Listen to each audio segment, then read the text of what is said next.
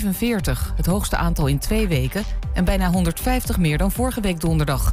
Of het komt door feestjes en vakanties is nog niet duidelijk en ook niet of het de Delta-variant is. In het ziekenhuis werden maar 9 patiënten met corona opgenomen.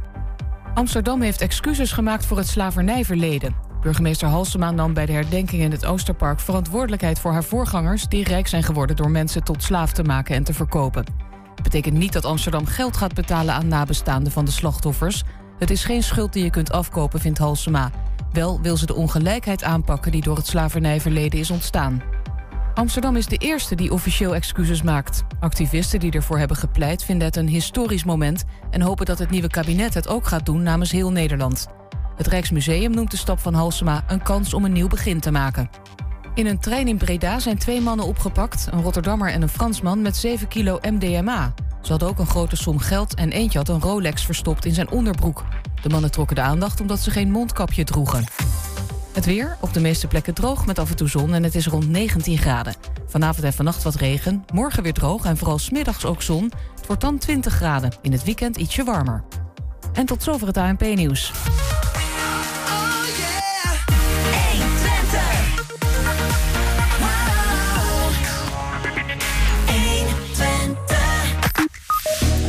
Enschede heeft een ambitieus bouwplan uitgesproken.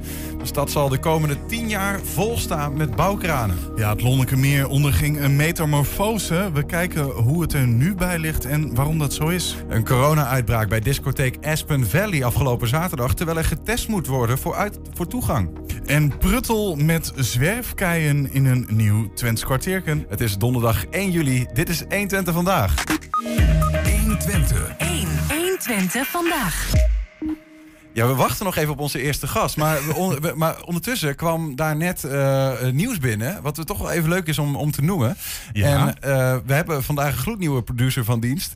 Onze collega Wilco Lauwers. Die staat hier wat in het donker. Je kunt hem ook niet goed zien. Dat, eh, maar we kunnen wel even met hem praten. Kunnen we zijn microfoon omhoog doen? Hey, zijn microfoon staat al omhoog, Kijk joh. aan, kijk aan. Van alle maakt het thuis, eh, yes, Van alle maakt het thuis. zeker. Ja. Ehm, Wilco, want eh, vandaag eh, wordt er iets opmerkelijks eh, bekendgemaakt door de gemeente Enschede. Ja, nou, zojuist in het gemeentehuis is, ja, ik kreeg dat eh, nu net doorgestuurd. Dus echt ook vers van de pers. Dus vandaar dat we het even eh, zo wat rommelig doen. Is een nieuwe merk en een nieuwe slogan eh, van Enschede bekendgemaakt. Dat gebeurt op dit moment in het Wilming Theater met een hele show. En eh, nou ja, je kent het wel, eh Enschede stad van nu. En wat hebben we ondertussen allemaal al gehad? En het logo hè, met, met het eh, merk van de stad erin, of het wapen van de stad. En Ja. nu eh, hebben we het filmpje binnengekregen eh, van onze eigen directeur Flip eh, van Willigen die zitten. En het merk van de stad is gebouwd op stoom en strijd. En eh, we- ik, ik zet de video er even in, dan kunnen we er even naar gaan kijken. Dan, eh, we hebben er ook een video We van. hebben er een video van. dit, is even- dit de slogan die eerder bijvoorbeeld Enschede stad van nu was. Dat is, dat is dan nu... Zo moet je het, zo moet Zo je moet ik het ja, zien. Ja.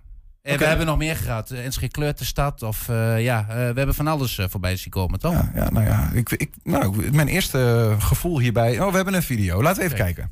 kijken. Het merk, gaan onthullen. Daar is hij dan, de rode knop. Zo is het.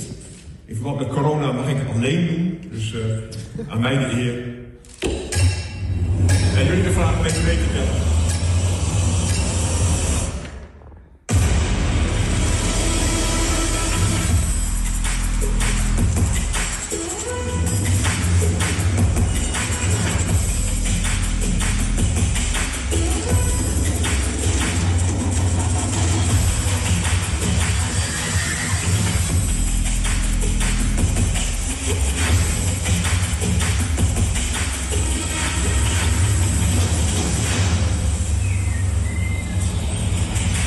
kijken dus eh, ondertussen even naar eh, eigenlijk de onthulling van de nieuwe slogan van Enschede.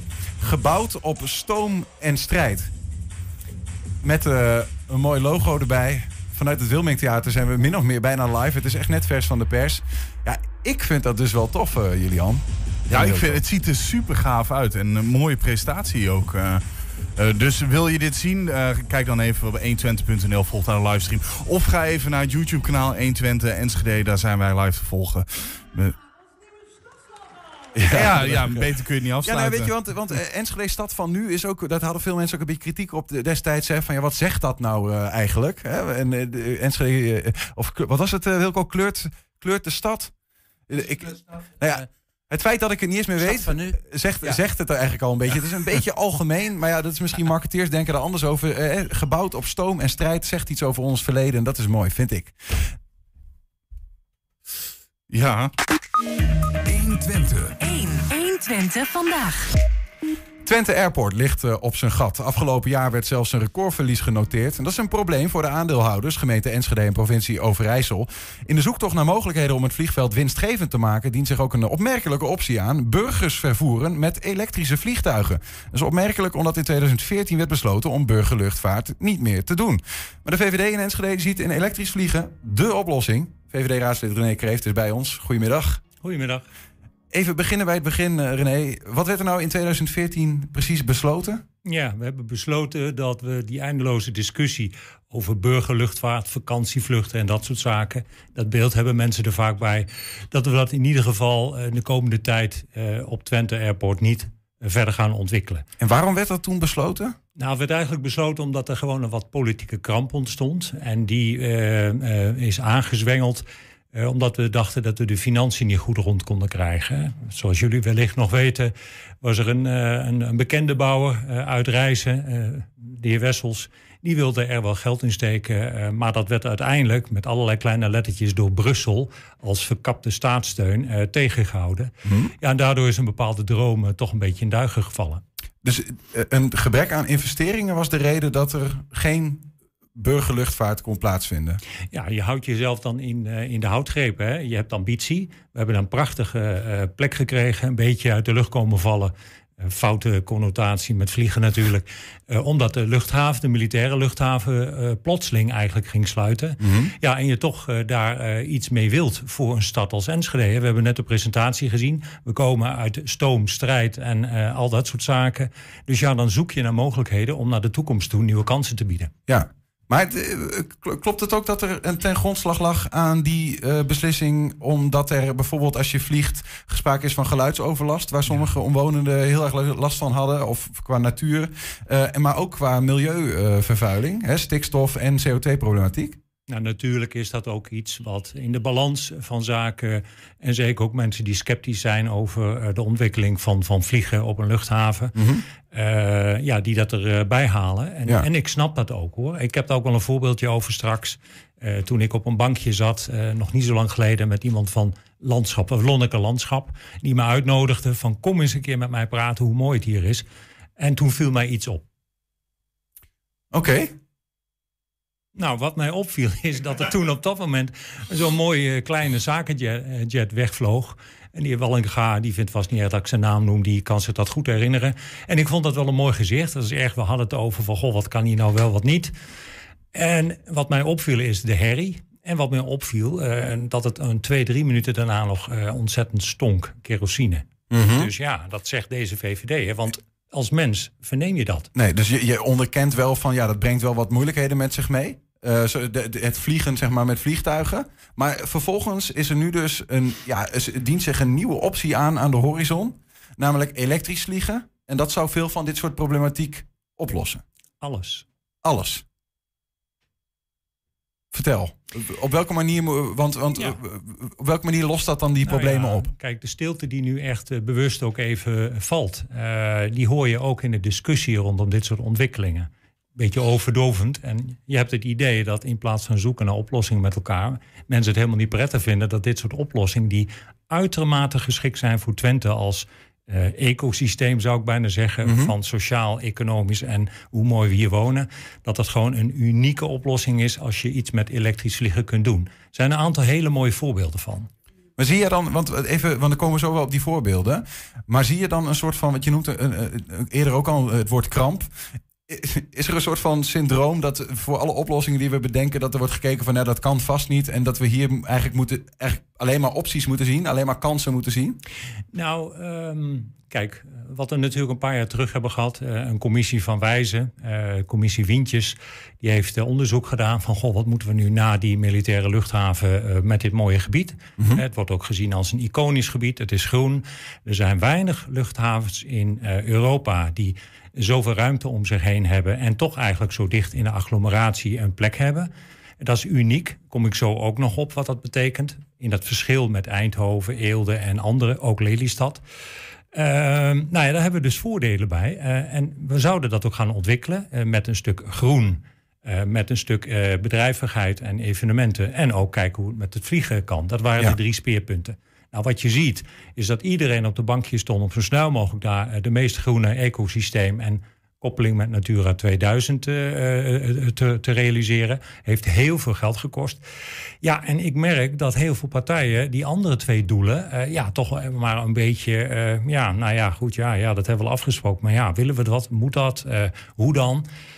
Ik moet ook zeggen dat als het gaat om het economisch ontwikkelen, ja, dat we met elkaar, en ik hoor daar ook bij als eh, een lid van het stadhuis, zal ik maar zeggen, de politiek, ja, toch ook misschien wel wat te weinig en drang heeft laten zien. eh, om te zorgen dat er ook echt iets ging gebeuren met high-tech materials en al dat soort mooie plannen. Ja, oké. Maar de, de- dus dit is een van de opties waarvan jullie zeggen van... gaat, het nou, gaat het nou aanpakken? Want even voor mijn beeld, op dit moment op Twente Airport landen wel vliegtuigen... maar dan gaat het bijvoorbeeld om zakelijke vluchten. Eh, en het gaat om vliegtuigen die daar landen om vervolgens gesloopt te worden. Ja. Ehm, maar als het, als er in, in, in de plannen waar, die jij aan het bekijken bent en ehm, eh, aan het onderzoeken bent, eh, gaat het ook om gewoon passagiersvervoer, toch? Ja. Wat, wat, wat moet ik eigenlijk concreet voor me zien? Eh, wat, gaan we, wat gaan we krijgen als het doorkomt? Ik zal het eh, wat staccato doen. Kijk, het onderzoek wat nu gebeurt eh, op verschillende plekken in de wereld... eh, is dat eh, eh, elektrisch vliegen eh, veel voordelen heeft voor de middellange afstanden. Eh, je kunt ook zeggen, kun je ook het spoor voor pakken. Maar als ik bijvoorbeeld kijk eh, hoe lang het duurt... eh, voordat wij een dubbel geëlektrificeerd spoor... van Zwolle naar Enschede en Münster creëren... ja, zelfs onze regio en regiobestuurders komen er in mijn optiek... onvoldoende stevig doorheen... Mocht daar geld voor zijn, dan denk ik dat het nog 10, 15 jaar duurt. Moest kijken hoeveel stikstofemissie en al dat soort milieutoestanden je krijgt. Als je nu al weet dat er elektrische vliegtuigen zijn, alleen dan kun je niet met meer dan 10 mensen in, maar wel tot 10 mensen. En die kunnen gewoon een paar honderd kilometer vliegen. En eh, zo direct kunnen die gewoon een paar duizend kilometer vliegen. Een batterij. Wat is zo direct? Eh, met een jaar of vijf. Oké. Ja. Eh, er wordt nu getest met vliegtuigen tot 20 mensen. En men verwacht dat die in 2000, tussen 2025 en 2030, en dat is voor ons een steenwormafstand in de tijd, kunnen vliegen. En eh, nou ja, wat nu die fabrikanten willen, en nu komt het. Dat is dat zij graag hun elektrische vliegmogelijkheden willen testen. Dat lukt niet bij de meeste eh, vliegtuigen, vliegvelden die daar geschikt voor zijn. Vliegvelden die geschikt zijn, die hebben dagelijks, nu na corona, gewoon hun dagelijkse operatie. Kun je niet allerlei testvluchten tussendoor hebben. Inkomend, uitkomen, eh, uitgaand verkeer. Nou, dat kunnen we ons voorstellen. Je doet het niet op de grote hubs. Hè. Schiphol is een hub, Düsseldorf is een hub, eh, New York eh, is een hub. Dat zijn de transatlantische vluchten. Maar voor de Europese, regionale, de Zuid-Amerikaanse, de Noord-Amerikaanse markt, elektrisch vliegen eh, zonder eh, geluid. Of in ieder geval weinig geluid. We kennen allemaal dronegeluid. Nou, als je dat Ja. op een kilometer hoogte doet, hoor je het niet meer. Zonder uitstoot. Zonder eh, CO2. Eh, zonder eh, stikstoftoestanden, want je hoeft niks aan te leggen. Hè, Twente Airport ligt er al. Eh, ja, dan zijn die partijen vooral aan het kijken van waar kan ik testen zonder dat ik in de buurt van een stad ben, hè, als Eelde of als Lelystad of als Eindhoven. In Twente heb je dus die square vierkante kilometer.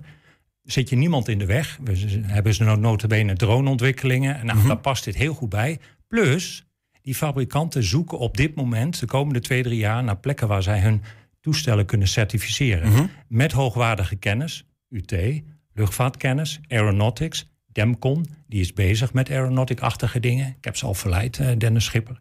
Goh, eh, zou je niet ook eens een, een gebouw eh, oprichten op de luchthaven? Ja. Om dus die kennis bij elkaar te brengen. Als laatste, wat zagen we vanochtend in de pers? Iets met batterijen en veiligheid. Fantastisch, want een vliegtuig op elektrisch heb je nodig eh, batterijen. Dus al die infrastructuur eh, die eh, ligt op een steenworp afstand. Saxion heeft een hele enthousiaste vakgroep die hier iets mee kan.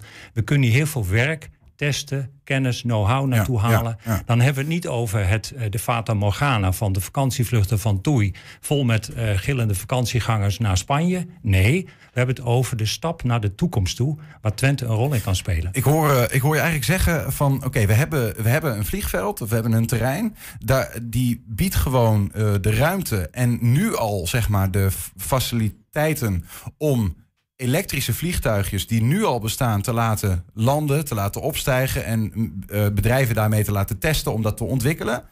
Dus we hebben alle middelen, alleen die vliegtuigen mogen er eigenlijk nog niet landen en opstijgen, omdat we met elkaar hebben afgesproken dat we dat niet meer doen. Nou, ik denk dat het minder complex is. Ik denk dat het een beetje een blinde vlek is. En ik kan het niemand kwalijk nemen, dat doe ik ook niet. Eh, ik wil ook niet zeggen dat ik nou zo'n ziener ben, want ik haal mijn informatie natuurlijk ook op andere plekken vandaan. En er zijn een aantal denktanks die hiermee aan de slag zijn, waaronder ook een hoogleraar bij de UT. Ik breng die bij elkaar. Ik had al aangekondigd dat ik daar ook eens een keer een eh, opiniestuk over wil maken. Dat gaat binnenkort ook komen. wil ik best hier in eerste instantie eh, delen, als het zover is. Maar ik heb me voorgenomen met mijn fractie om hier gewoon echt druk op te zetten. Ja. Want er zijn eh, partijen die zeggen van goh, eh, juist door dat verlies en dat gedoe met die shoulders, hè, eh, zeg maar bet- betonklinkers langs de landingbaan, want anders mag je niet vertrekken met je Boeing. Ja, een beetje een absurde situatie eigenlijk, een beetje Kafkaiaans. Maar goed, op dit vliegveld mag je dus wel komen als Hotel California van de Eagles, maar you can never leave. Ja, precies. Hoe, hoe bizar. Ehm, dat bracht ons eh, aan het denken eh, over de mogelijkheden. Nou, wat men nu wil is een eh, snellere evaluatie van die kansen en mogelijkheden van die iconische luchthaven. Ja, die moet eind, eind dit jaar moet die evaluatie ja, eh, moet die er liggen. Hè? Ik zie het al gebeuren dat mensen zeggen van nou weet je wat, we maken er een natuurpark van. En die investeringen van 80, 90 miljoen die er nu al in de grond liggen. Ja, nou ja, die geven we dan maar weg. Ja. Ja, me shocken. Ik knok voor de toekomst van Twente en Enschede. Ja, dus als ik, als ik je zou vragen van oké, die evaluatie die komt er eind dit jaar uit eh, aan. Volgens mij is er afgesproken eh, dat er tot die tijd een beetje voorzichtigheid is met eh, het doen van investeringen. Ehm, maar eigenlijk worden deze, ja, die plannen die je nu hier ook vertelt, die worden ook gedropt van ja, eh, ehm, neem die nou mee in de mogelijkheden Zeker. voor dat, voor dat airport, Zeker. zeg maar. Ja. Kijk, en waar het vooral om gaat is dat we niet een beetje ridicuul het hebben over van oh, iets met burgerluchtvaart. Nee, mensen willen van A naar B. Eh, en mensen willen dat veilig doen. Eh, en als wij dat kunnen doen met mooie nieuwe techniek, met alle kennisinstellingen die we bij elkaar hebben. En de plannen die we hebben voor economische ontwikkeling Ja. hè, via de Twente Board. Eh, ja, mensen, hoe mooi wil je het hebben om hier dus stappen te zetten om ook te zeggen van vinger in de lucht als Twente. beste wereld, met jullie mogelijkheden op techniek en vliegen elektrisch, kom bij ons. Ja. En dan hebben wij zo twee partijen die we hier in de komende twee, drie jaar kunnen laten landen. En als je, als, je, als je even vrij zou dromen, René, eh, hoe zou Twente Airport er dan bewijs van over 15 jaar eh, uitzien? Zien we dan echt eh, tientallen elektrische vliegtuigen per dag daar opstijgen en, en landen? Met, met eh, 10 of misschien wel 100 personen daarin? Ik weet niet of de reislustigheid eh, van, de, van, de, van de Twentse eh, eh, ecosysteem, de mensen, de bedrijven, zo is dat je per se overal naartoe wilt. Maar wat je ziet is dat je als je eh, op die manier eh, eh, energie-neutraal en geluidsarm de wereld hier in de achtertuin kunt brengen en Twente naar de wereld, veel sneller dan via, ook al is het een twee keer drie baanse A1. Sommigen zeggen dat die alweer te krap is met gebrekkige spoorverbindingen enzovoorts. Eh, ja, dan, dan ligt hier echt een kans. Dus over 15 jaar zie ik eh, mooie bedrijvigheid. Het naar elkaar toegroeien eh, van de UT, Saxion en ROC met eh, ontwikkelbedrijven op het gebied van elektrische aeronautica. Testcapaciteit gecombineerd met drones. batterijcapaciteit en ontwikkeling op gebied van veiligheid. Dus niet dat het in de fik vliegt in de lucht. Eh, veel lichter, eh, want daar wordt op dit moment niet op getest. Ik denk dat wij de voormalige founding father van eh, eh, Lithiumwerks ook wel zo gek krijgen uit Hengelo om hierin mee te doen. Ik probeer hem enthousiast te krijgen. Dan hebben wij gewoon ons ecosysteem klaar. Dan zijn wij niet meer zo afhankelijk van Den Haag of Brussel. Dan gaan wij hier weer net zoals 100 jaar geleden. Ik kijk weer even opnieuw naar de nieuwe lancering van zeg maar de Twente branding. Dan gaan wij het doen zoals het destijds in het textiel, waar eigenlijk Twente ruim eh, 20% van de totale Nederlandse eh, bruto opbrengst eh, genereerde. Die kans die is er gewoon. En ik denk als laatste, Als wij dit soort dingen regelen, dan willen er nog meer mensen in het mooie Twente wonen. En nu we ook niet meer per se in Den Haag altijd op kantoor hoeven te zitten na corona. Ja, en daar komen we dan zo meteen weer op met de bouwplannen van Enschede en wie er dan in die huizen gaat wonen. Dat is een mooie aansluiting. Uh, dank voor een enthousiast verhaal. En ik ben ontzettend benieuwd wat de discussie hieromtrend gaat zijn. Wat eventuele risico's zijn die andere politieke partijen zien. Maar dat komen we nog weer later op uh, terug om dat allemaal te horen. René Kreef was hier in ieder geval voor nu VVD-raadslid over. Dus die nieuwe kansen voor Airport Twente. Dank. Graag gedaan. Zometeen hoor je waarom Enschede de komende 10 jaar vol zal staan met bouwkranen. 120. 120 vandaag. Ja, de afgelopen zomers waren erg droog. De Twentse natuurgebieden kregen het zwaar te verduren. Om verdroging van de Twentse natuurgebieden tegen te gaan... voert Landschap Overijssel werkzaamheden uit... om het water in de gebieden langer vast te houden. Ook het Lonnekemeer heeft een flinke metamorfose gehad.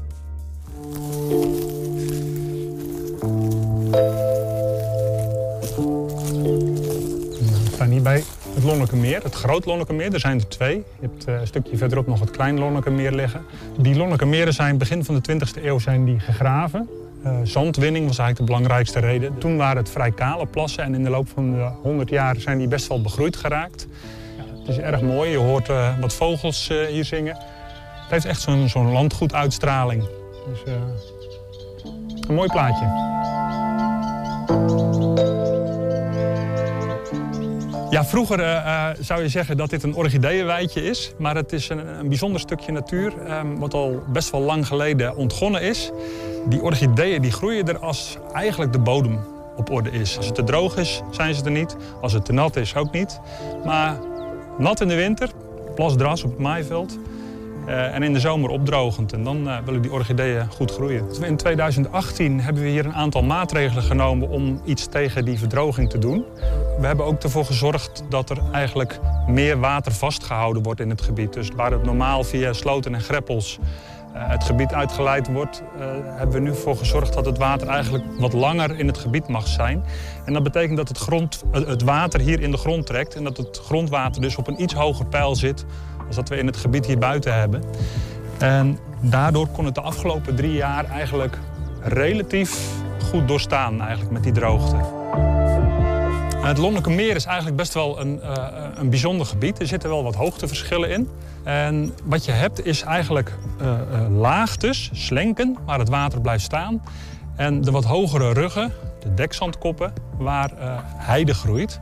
En doordat je die hoogteverschillen hebt, heb je ook heel veel overgangen. En die overgangen zijn in de natuur zijn eigenlijk de meest bijzondere, soortenrijke stukjes. En ook de relatie met de stuwwal, de stuwwal van Enschede, Oldenzaal. Uh, daar komt het water vandaan, wat in die slenken richting het westen wordt afgevoerd. Dus die slenken die voeren eigenlijk het water wat vanaf de stuwwal komt, voeren dat af. Um, dit is de Blanke Bellingsbeek. Hier hebben we de beekbodem flink van uh, ondieper gemaakt. Uh, en dat is ook om dat gebied minder te draineren. We zagen hier net een klein reetje weg, uh, wegvluchten, dus die had een mooie schuilplaats hier in de beek. Dus een beetje half, een half jaar per jaar ligt die, uh, ligt die beek droog. En nu uh, ligt de beek er mooi begroeid bij. Maar ik zou liever nog een klein beetje water in, in die beek zien. Maar met een paar normale Hollandse jaren moet het gebied eigenlijk wel weer zichzelf kunnen bedruipen. Dus dan moet het eigenlijk wel goed zijn. Um, de grootste uitdaging hier is wel om de bosopslag uh, tegen te gaan. En er staan in het gebied nog best wel veel jonge berkjes en dennetjes. En je merkt dat naarmate de tijd vordert, dat eerst heb je pionierplanten die terugkomen. En dan na verloop van tijd beginnen echt ook vaste planten uh, voet aan de grond te krijgen. En dan nog een paar jaar later zie je dat de fauna echt terugkomt. Dus het, het gaat hier redelijk snel. Maar over twintig jaar hopen we eigenlijk dat het nog steeds datzelfde karakter heeft als wat we hier nu zien. En ik denk dat het moet kunnen. Ja.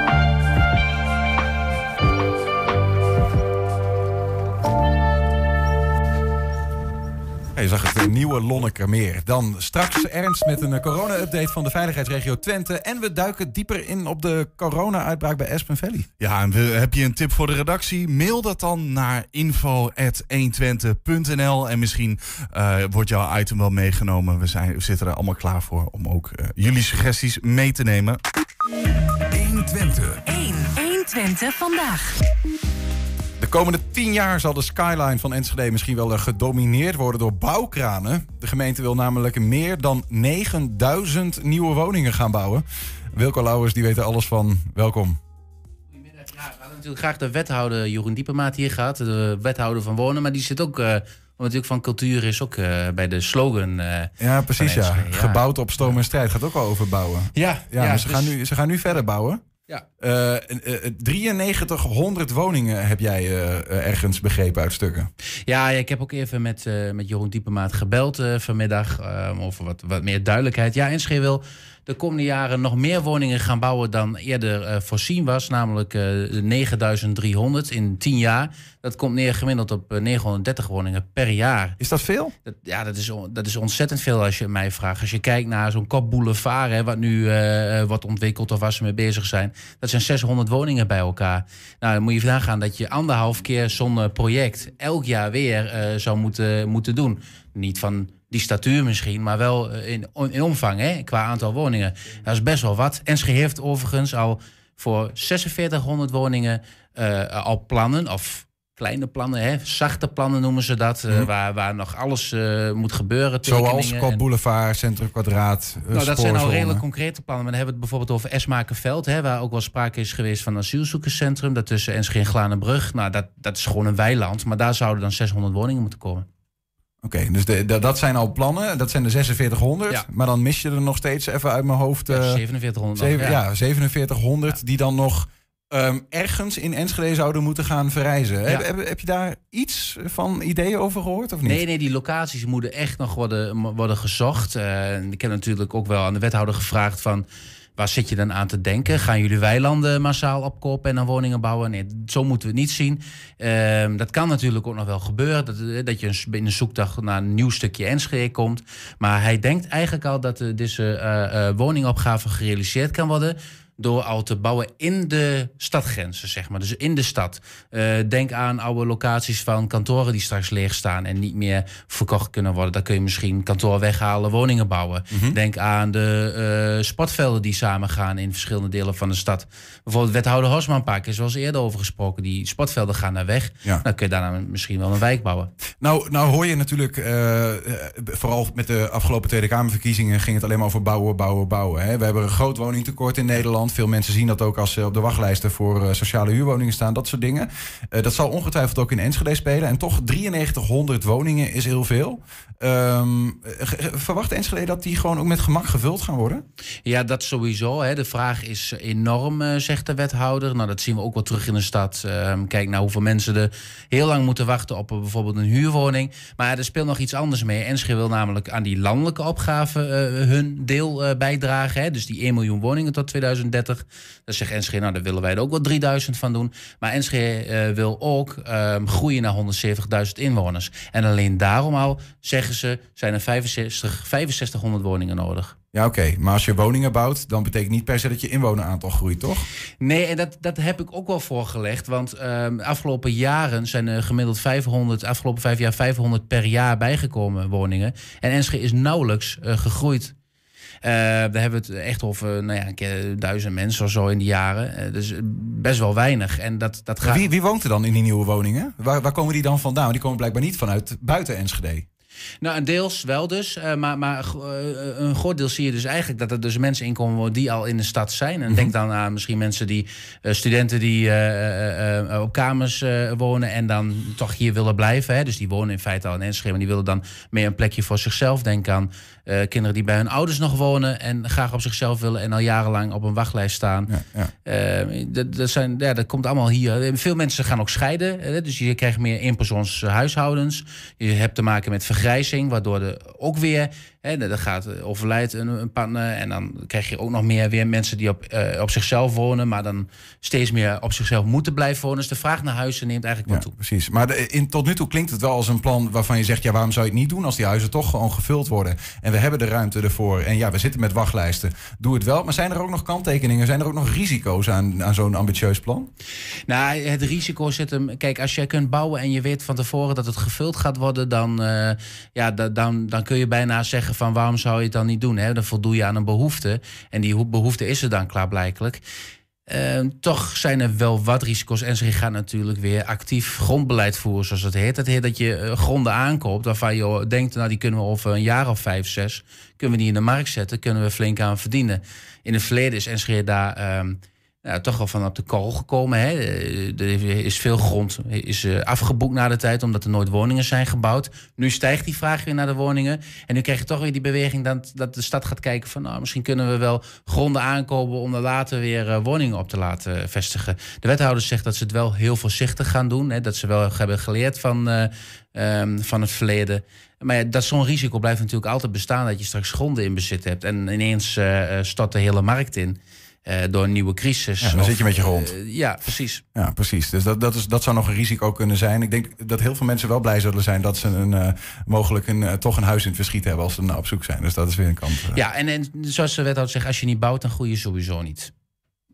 En daar is geen spel tussen te krijgen. Wilco Lauwers, dank voor, voor je verhaal en voor de uitleg. En nu weer terug naar je plek.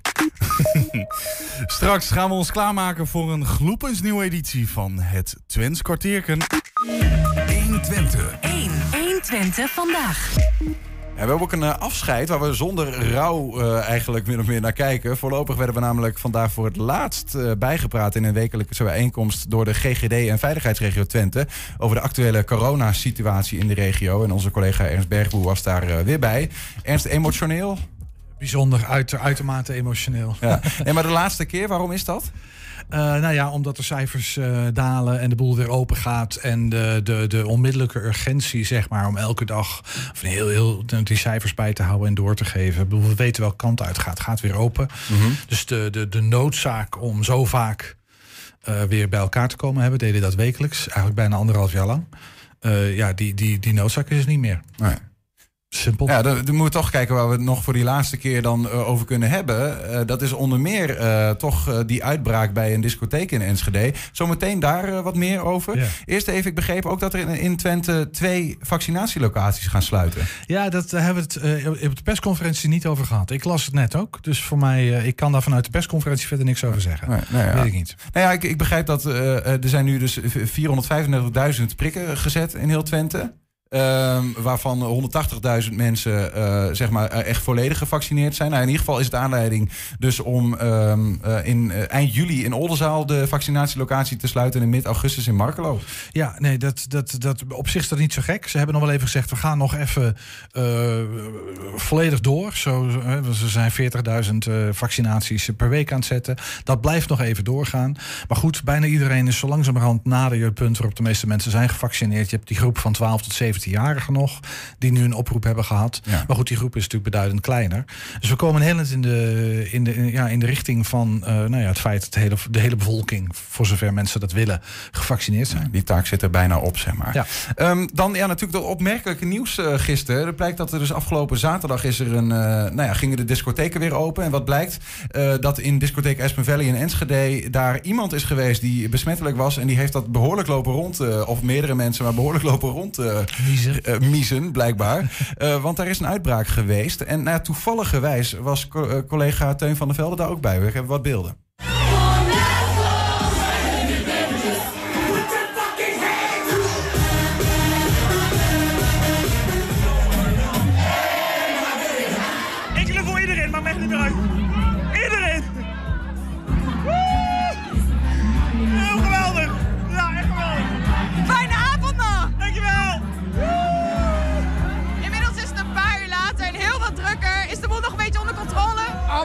Absoluut. Het is een geweldig feest. Je merkt dat iedereen het leuk heeft. Dat iedereen eindelijk weer hier mag komen.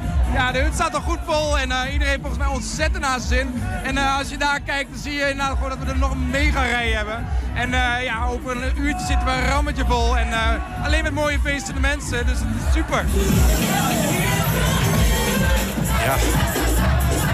If they only knew, zou ik bijna zeggen. Ehm, want later bleek dus dat de boel niet helemaal onder controle was. Eh, Teun van der Velde, die daar als verslaggever ook bij was, eh, hebben we aan de telefoon. Teun, goedemiddag. Een hele goede middag. Eh, hoe is het met jou eigenlijk? Want je, je stond op, in het front van het oorlogsgebied. Nou ja, dat was natuurlijk wel even schrikken toen die berichtgeving op gang kwam van al die besmettingen die er geweest zouden zijn. Dus ook voor mij, omdat ik daar natuurlijk inderdaad was om die reportage te maken. Eh, maar gelukkig ben ik zelf en mijn collega's zijn negatief getest, dus eh, dat zit goed. Eh, maar het is natuurlijk wel voor heel veel jongeren die er waren, 800 man in totaal, is het wel even schrikken. En is dus nu ook de oproep om eh, ja, je toch te laten testen uit voorzorg. Wat weten we, wat, want je, je was vanmiddag ook eh, bij die bijeenkomst met de GGD en de veiligheidsregio. Wat weten we inmiddels van hoe groot die uitbraak is? Wat, wie heeft de GGD al voorbij zien komen? Ja, de GGD geeft aan dat er een, een aantal herleidbare besmettingen zijn eh, na dat feest in Valley. Maar een aantal is nog niet te noemen. Eh, en dat komt omdat ze ja, toch nog druk bezig zijn met het bron- en contactonderzoek en inzichtelijk krijgen eh, ja, hoeveel besmettingen hier nou uiteindelijk plaats hebben gevonden. Maar natuurlijk ook hoe het ontstaan is. Want ja, het kan dus zijn dat iemand hier binnen is gekomen met een eh, valse negatieve test. Dus die negatief getest is. Maar tussen de test en het moment van uitgaan toch nog mensen heeft gezien die besmet zijn. Of iemand die eh, naar binnen is gegaan zonder negatieve test. eh, dat het bij de controle niet goed ging of over een hek is geklommen. Ja, dat is dus allemaal nog eh, onduidelijk. Ja, eh, wordt dat wel ook nu echt actief onderzocht, zeg maar? Ja, de GGD geeft wel aan eh, duidelijk eh, te willen krijgen. Ja, hoe kan dit nou gebeuren? Maar ook vooral eh, ja, hoe groot is die, eh, is die kring van besmettingen? Want ja, als dat echt heel veel is, als we dan echt over tientallen eh, mensen hebben, ja, dan eh, is er natuurlijk een potentieel om dat nog veel groter te krijgen. En dat wil de GGD natuurlijk kosten wat kost voorkomen. Ja, en, en wat, wat, wat ik zelf ook nog wel een interessante vraag, want het gaat hier natuurlijk veelal over jongeren. Ehm, ja, hoe, hoe, hoe, hoe ernstig, ze- want die zijn besmet, maar hoe voelen ze daar ook iets van? Weten we ook iets van de ernst van de klachten, zeg maar? Ja, ik heb meerdere jongeren gesproken, ook uit verschillende vriendengroepen, die allemaal eh, besmet zijn geraakt of nou ja, corona-gerelateerde klachten kregen. En zij hebben het dan wel echt over eh, hoofdpijn, koorts, keelpijn, eh, veel hoesten. eh, maar niet dusdanig ernstig, maar wel zitten zij ziek thuis. Ja, dus en als je daar dus bij was op dat moment, dan is dus de oproep van de GGD, ehm, ook als je geen klachten hebt, laat je even testen of alleen als je wel klachten hebt? Ja, ja, ja de GGD zegt nu dat alle 800 mensen die hier waren zich moeten laten testen of je nou klachten hebt of niet. Omdat dat natuurlijk ook voor de GGD de enige manier is om echt goed inzichtelijk te krijgen eh, hoeveel besmettingen er zijn. Want ook zonder klachten kan je corona hebben. En eh, zegt de GGD dus van nou kom allemaal alsjeblieft naar je teststraat, laat je testen. Eh, en dan kunnen we het zoveel mogelijk proberen in te dammen. Teun van der Velde, dank voor, voor de uitleg. En nou ja, mooi dat je in ieder geval jij buiten schot bent gebleven. Zeker, geen dank. Ja, Ernst, ik, nog tot slot even. Ik begreep dat er een discotheek in Oldenzaal was... die door dit hele fenomeen de boel wat serieuzer is gaan nemen, hè? Ja, dit, eh, de, de, er- er waren geluiden die eh, Patrick Welman, die eh, de voorzitter was, de burgemeester ook van Oldenzaal, eh, niet direct herkende. Want die is in gesprek wel met, met de horeca. En ook Mhm. met deze gelegenheid, begrijp ik. Eh, maar die zouden niet hebben getest. Hadden ze niet zoveel zin in. Of dat wilden ze niet, weet ik veel. Maar die zijn nu toch geschrokken en hebben gezegd, we gaan nu wel testen bij de ingang. Ja, nou ja, en zelfs dan blijkt het dus dat het niet helemaal waterdicht is. Ja, is dat zei een de ook helemaal waterdicht krijg je het niet. Want je kunt eh, ook zo'n testuitslag kan, het kan een valse testuitslag zijn. Dus je, je kunt nooit helemaal uitsluiten. Het feit dat de boel weer meer open gaat, betekent per definitie ja, dat, dat, dat er wat meer besmettingen zullen kunnen optreden. Dat je dit soort dingen kan krijgen. Eh, misschien ook niet zo'n grote ramp, maar wel eh, nou, zorg dat je aandacht erbij is. En ehm, gedraag je verantwoord. Dus als je klachten hebt, blijf thuis, laat een test doen. Eh, ga er niet te makkelijk bij om nu alles weer open gaat. Bergboer, dank voor de uitleg. Alsjeblieft. Ja, heb je een tip voor de redactie? Mail dat naar e- info.120.nl 120. 1. 120 vandaag. De corona-uitbraak bij eh, discotheek Aspen Valley in Enschede afgelopen zaterdag deed bij ons eh, een vragenreizen. Want als je naar een evenement gaat waar je je veilig waant omdat alle aanwezigen een negatief testbewijs moesten overleggen, maar je raakt er eh, toch besmet, wie is er dan eigenlijk aansprakelijk voor eventuele gezondheidsschade? Dit is mijn uitspraak en daar moet u het mee doen. Rechtspraak met Damstee Advocaten. Bij ons is letselschadeadvocaat Lex Neumann. Goedemiddag. Goedemiddag. Lex, even een concrete casus. Hè? Het zou kunnen dus dat ik afgelopen zaterdag naar een discotheek ging... omdat ik dacht, dat is veilig, iedereen is negatief getest. Ja. En nu zit ik thuis met een coronabesmetting... en die hakt er zo hevig in dat ik de rest van mijn leven... daar op een of andere manier last van houd. Ja. Eh, eh, kan ik dan eh, naar iemand een bonnetje sturen? En wie? Nou, je kan altijd een bonnetje sturen. je mag hem ook naar mij sturen, maar ik doe er niks mee. Nee, het is. ehm, ik, ik snap de vraag. Ehm, ik, ik heb net, net ook al. ehm eh, zat ik buiten de studio te luisteren. En eh, er werden toen eigenlijk al interessante dingen gezegd en gevraagd. Ehm, ja, er begint er natuurlijk eerst. Is er wat, echt wat fout gegaan? Ehm, er wordt hier al gezegd van inderdaad, wat is nou de oorzaak van die uitbraak? Ehm, die testen zijn die wel inderdaad wel 100% waterproof. Hè? Als dat niet zo is, het kan best zijn dat er iemand binnen is gegaan ehm, die inderdaad een negatieve testuitslag had, maar toch positief blijkt te zijn. Eh, nou ja, als jij zegt van ja, maar ik vind dat iemand aansprakelijk is, ehm, en dan even nog los van de vraag wie, dan zal je ook moeten aantonen waarom diegene aansprakelijk is. Ehm, nou, we hoorden het al heel even zeggen iets over dat er een hè, mogelijk, ik, ik ben er in ieder geval niet bij geweest, eh, ehm, vervalste eh, verklaringen waren. Ja, dan zal je ten eerste moeten laten zien wie zijn dan diegenen die dat gedaan hebben. Vervolgens ehm, is dan de vraag, was zonder die, eh, als ze dat niet hadden gedaan, was dan de corona-uitbraak wel of niet geweest? Mhm. Want er zullen misschien ook dus inderdaad mensen zijn rondgelopen die wel goed getest waren, maar, maar toch de, positief waren.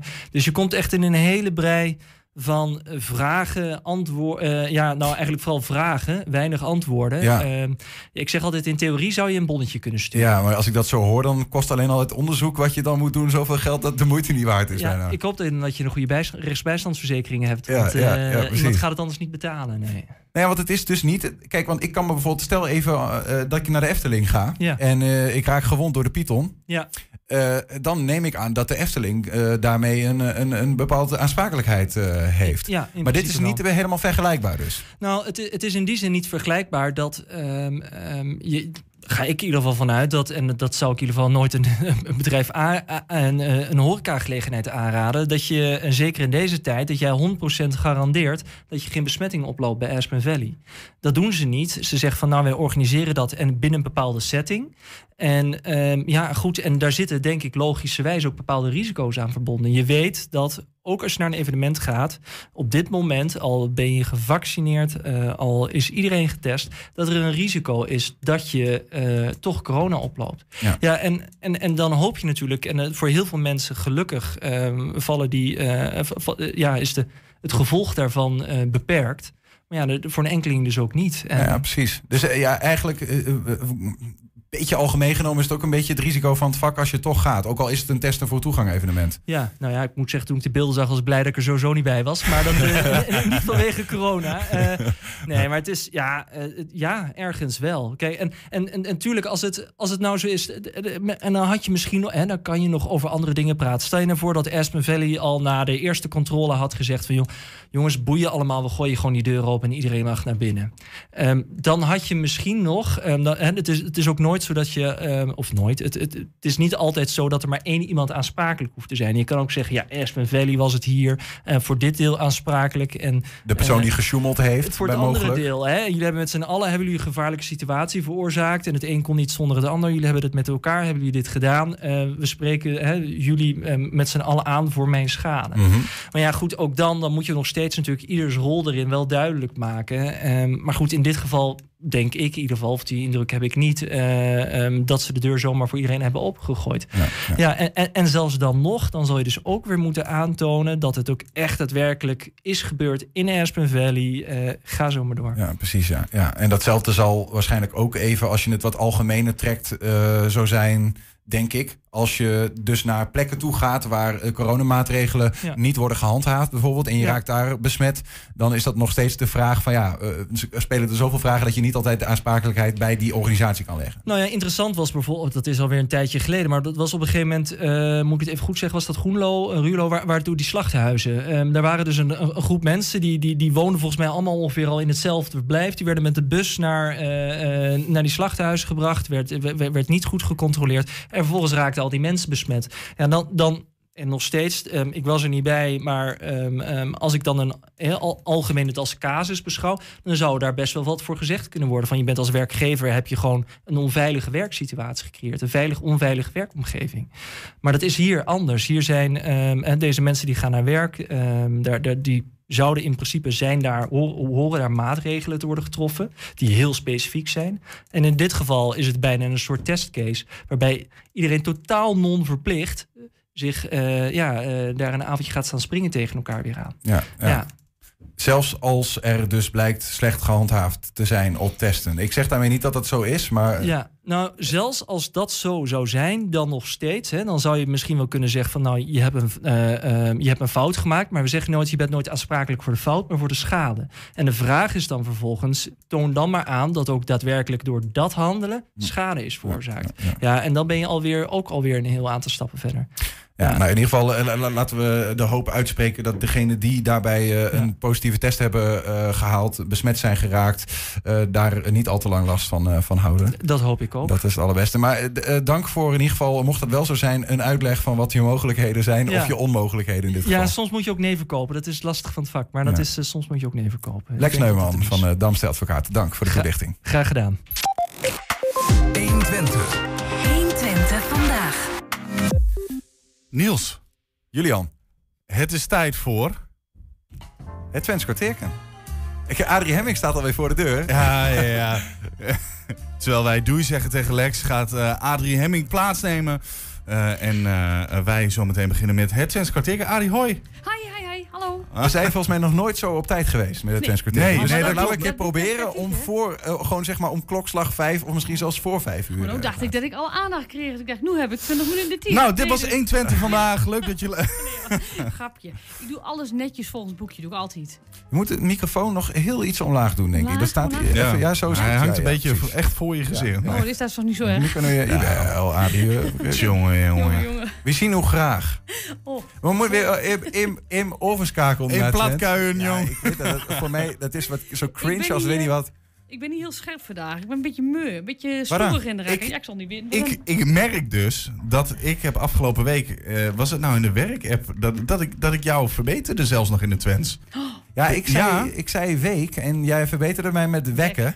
Ja. Ja, ja, en toen voelde ik mij heel trots. eh, eh, en, eh, ik zal je vertellen hoe dat komt. Ik was hier dus eh, vorige week met eh, Martin te Dengen eh, aan aan het praten. Ja. En eh, ik, zeg, eh, ik zeg dus eh, vaak in het Twents kwartier, nou, vorige wekken. Eh, en vervolgens kreeg ik dus mijn collega over me heen van... ik vind dat zo grappig als ik jou zo vorige wekken... en ik denk, nou, dat zal dan wel niet goed zijn, wekken. Maar is het wel wekken? Ja, wek of wekken kan Wekken. allebei. Ja. Nou, vorige wekken. Dan gaan we gewoon weer kijken naar de, de woorden. Maar dat zeg ik ook vaak, maar dat is weer De niet goed. Weuren. De woorden? Ja, woorden. Ja. Oh, nou toch wel. Ja. Nou, de woorden, je maakt gewoon overal waar O is gewoon E. De woorden van vorige weken. Eh, kijk, we gaan we even naar kijken. Um, eh, de Even, even naar even keuken. naar ja, dat gaan we even doen. Gaan we even naar Oorkuien. Want we hebben nu- veel nieuwe woorden geleerd. Nu wordt het heel gezweerd. Greus in Jore. Björn. Gries en Jorn. Arie, neem ons er even mee doorheen. ja, Gries en Jorn, dat is dus bejaard. Mhm. hè? Een tichelde, dat is dus een, een, een steenbakker of een, eh, ook een tegelzetter wel. Dan. eh, Daar hebben we een gedaante. En dat was eh, een vorm. Dus een, ik weet niet eens meer. Oh ja, de vorm van die. die steentjes. Van die steentjes, van, eh, maar van ook de fossielen. Van de fossielen, ja. Precies, dat was En dan het laatste woord. Os. Het woord van de week. Os. Os, wa- Ja. waar overigens eh, Martin te Dengen buiten de uitzending nog een toevoeging deed. Dat hij zei, volgens mij heeft het woord os, hè, dat betekent deugniet, Ja. ook iets te maken met ehm os naar Bruk. Ja. Dat dat blijkbaar, eh, want hij zei os, dat had iets te maken met, met Noorse goden of zo. En eh nou ja, os naar Bruk zou daar ook weer een afgeleide van zijn. Ja, ik vind het helemaal eh, goed. Ik geloof het direct. Als Ja, Martin het zegt. Als Martin het zegt, geloven we het? Ja, als Martin het zegt, geloof ik het. Arie, je hebt drie nieuwe woorden eh, meegebracht en we hebben weer een woord van de week. Eh, en die gaan natuurlijk weer gekoppeld worden aan een onderwerp. Eh, iets wat in de museumfabriek of zich daarbuiten of wat dan ook eh, weer begeeft. Ernst ging op onderzoek uit. En dit keer gaat het er volgens mij over relatief grote units. Edwin Plokker, we staan ehm, in, in- diep in de krochten van, eh, van de museumfabriek. Ja. Wel weer eh, in depot, dus het stenen depot. Hè? Ja, klopt. Ja, ja. En dit, dit gedeelte is het, depot voor de zwerfstenen. Zwerfstenen, Ja, zwerfkeien. We hebben een grote collectie zwerfkeien. Ja. En eh, die zie je eigenlijk op heel veel plekken in het landschap. Hè. We Ja. Het heel grote, hele grote voor het eh, Rijksmuseum Twente. Ja, dat is echt een joekel natuurlijk. Ja. ja, en bij Patmos ligt er een hele grote. Ja, Ja. er zijn natuurlijk Ja. talloze van die, ook van die, van die enorme bolders. Ja, ja, precies. En je vindt ze tot een bepaalde lijn. En dat is niet voor niks, want ze zijn hier ooit meegenomen door, eh, door landijs. Eh, Meegenomen de landijs, als in eh, dat landijs dat, dat, dat stuwde Ja, de stuurwallen. Maar ja, precies. En Ja, die namen ook gesteenten mee en ook Ja, dit soort keien. Ja. Nou, je moet je voorstellen, en, het Salien, dat was een ijstijd. Dat is Mhm. de, dat is, dat is de, er, zijn, er zijn meerdere ijstijden geweest. Hè? We hebben het hier altijd over twee ijstijden, Salien en Weichselien. En eh Salien was het ijs helemaal tot hier. Eh, maar er zijn veel meer ijstijden geweest. Alleen daar vinden we geen restanten van. Waar je in Nederland stuwwallen hebt. Ja. eh, eh, bij Nijmegen, hier in Twente. Ja, Sallandse eh, Heuvelrug. ja, ja, precies. Utrechtse Heuvelrug. is allemaal Ja. Ja, het is allemaal, allemaal de ijstongen van gletsjers. Ja. En dan moet je ongeveer voorstellen van, denk je, een gletsjer, ik weet niet of je ooit eentje gezien hebt. Ja, ja, ja, ja. nou, die zijn heel groot. Ja. Ehm, maar die zijn eigenlijk nog klein vergeleken bij wat je hier vaak ziet. Wat, wat hier destijds was. Want je moet je voorstellen bij eh, de hoogste berg van, eh, van, van Twente is eh Tankenberg, geloof ik, hè? 80 kunnen. meter hoog. Ja. Nou ja, moet je voorstellen, die is, die is daar dus in Salië neergezet. Hè? Dus, dus, Dus tot, dat is het tot, regeltje tot van een- 126, eh, eh, eh, 126.000 jaar geleden. In die tijd is er heel veel afgesleten. Dus hij was eerst veel hoger. Dus hij was, nou, stel hij was wel 150 meter hoog. Ja, ja, ja. En zo'n gletsjer, om dat vooruit te duwen, eh, die moet ver boven die stuwwal uitkomen. Hè, want die duwt eh, eigenlijk eh, het zand Ja. duwt hij vooruit. Ja. Dus die was veel hoger. Dat is een beetje als je met een schepje in de zandbak zand vooruit schuurt... dan weet je wel ongeveer de verhouding. Ja, hoeveel zand ja, je ja. vooruit en dan... Precies, en, en als er zo'n bultje ligt die dan voor de gletsjer. En die gletsjer die graaft zich in in, in, in, in, de, in de grond en die komt er eind bovenuit. Dus als die heuvel 150 meter was, dan was die gletsjer 300 meter dik. Nou, om een idee te geven, de grote kerk van Enschede, 50 meter hoog. Ja. Uh, Alpha-toren, was die 100 meter. Dus drie keer Alpha-toren.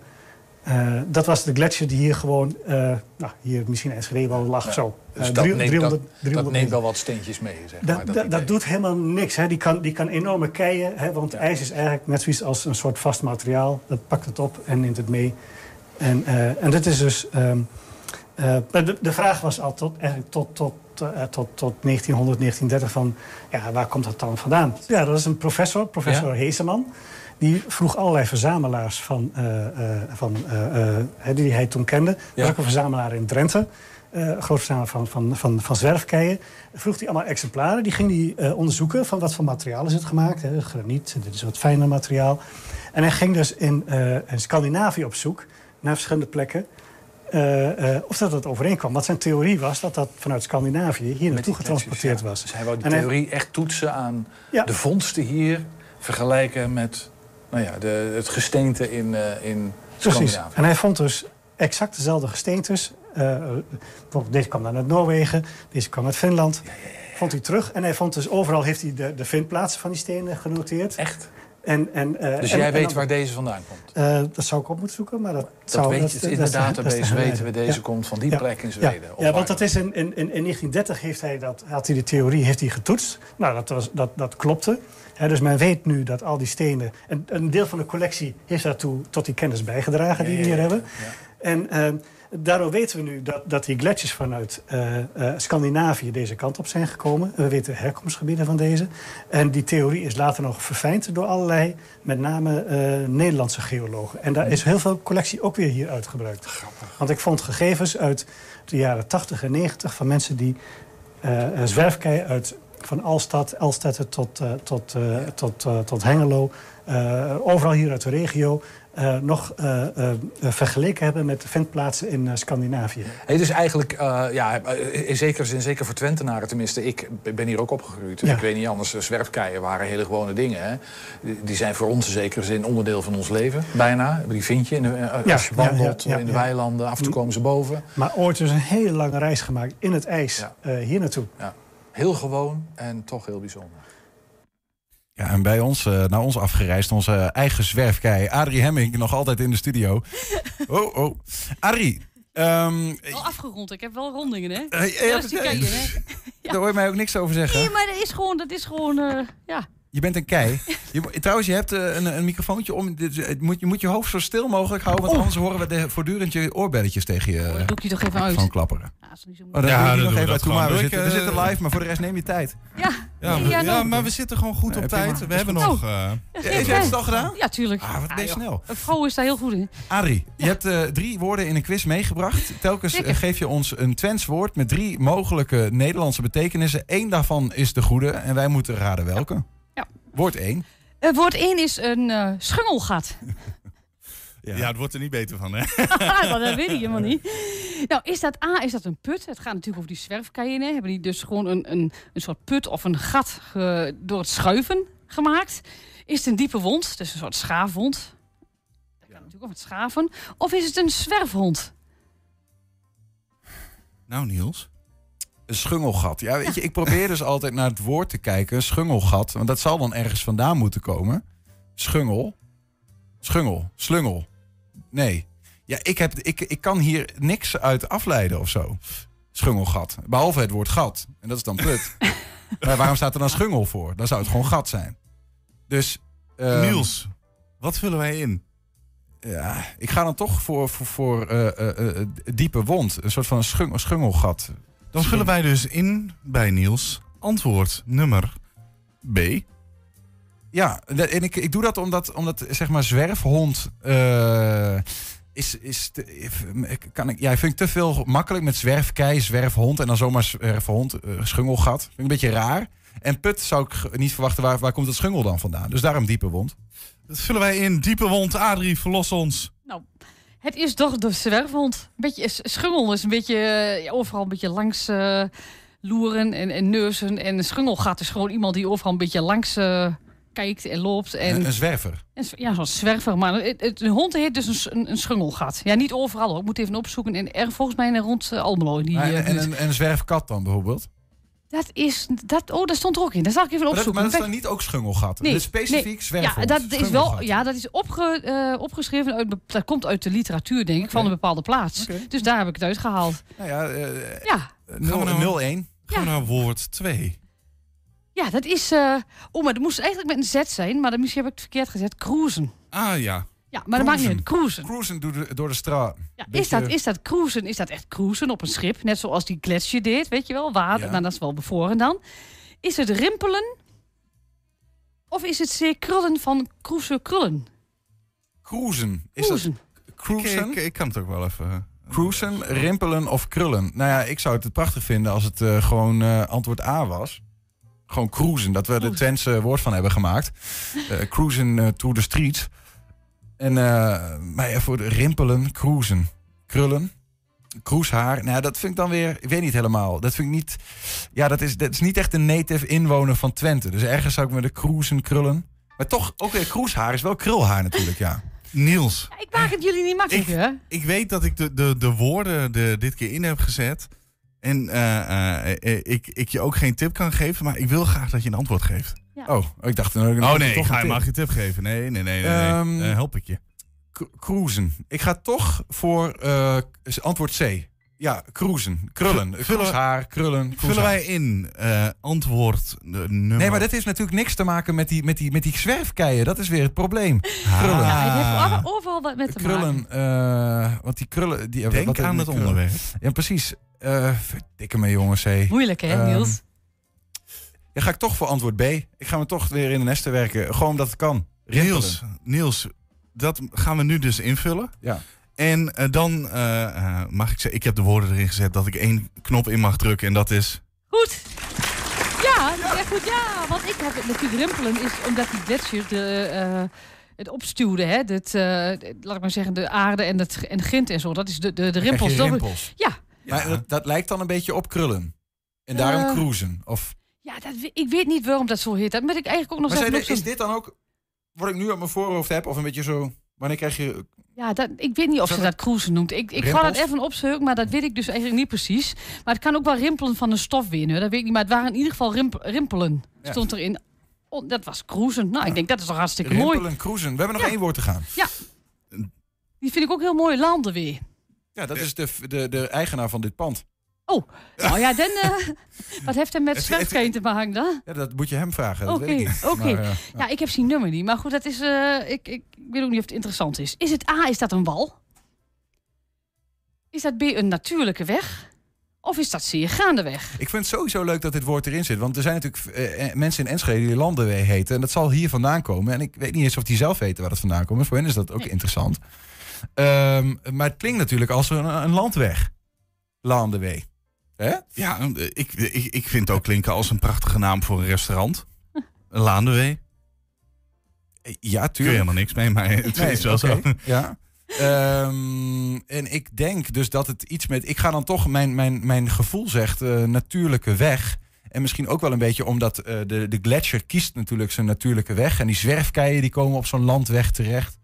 Weet ik veel. Natuurlijke weg, landweg, Laandewee, daar ga ik voor. Vullen wij in antwoord nummer B. Adrie, verlos ons. Wat is het?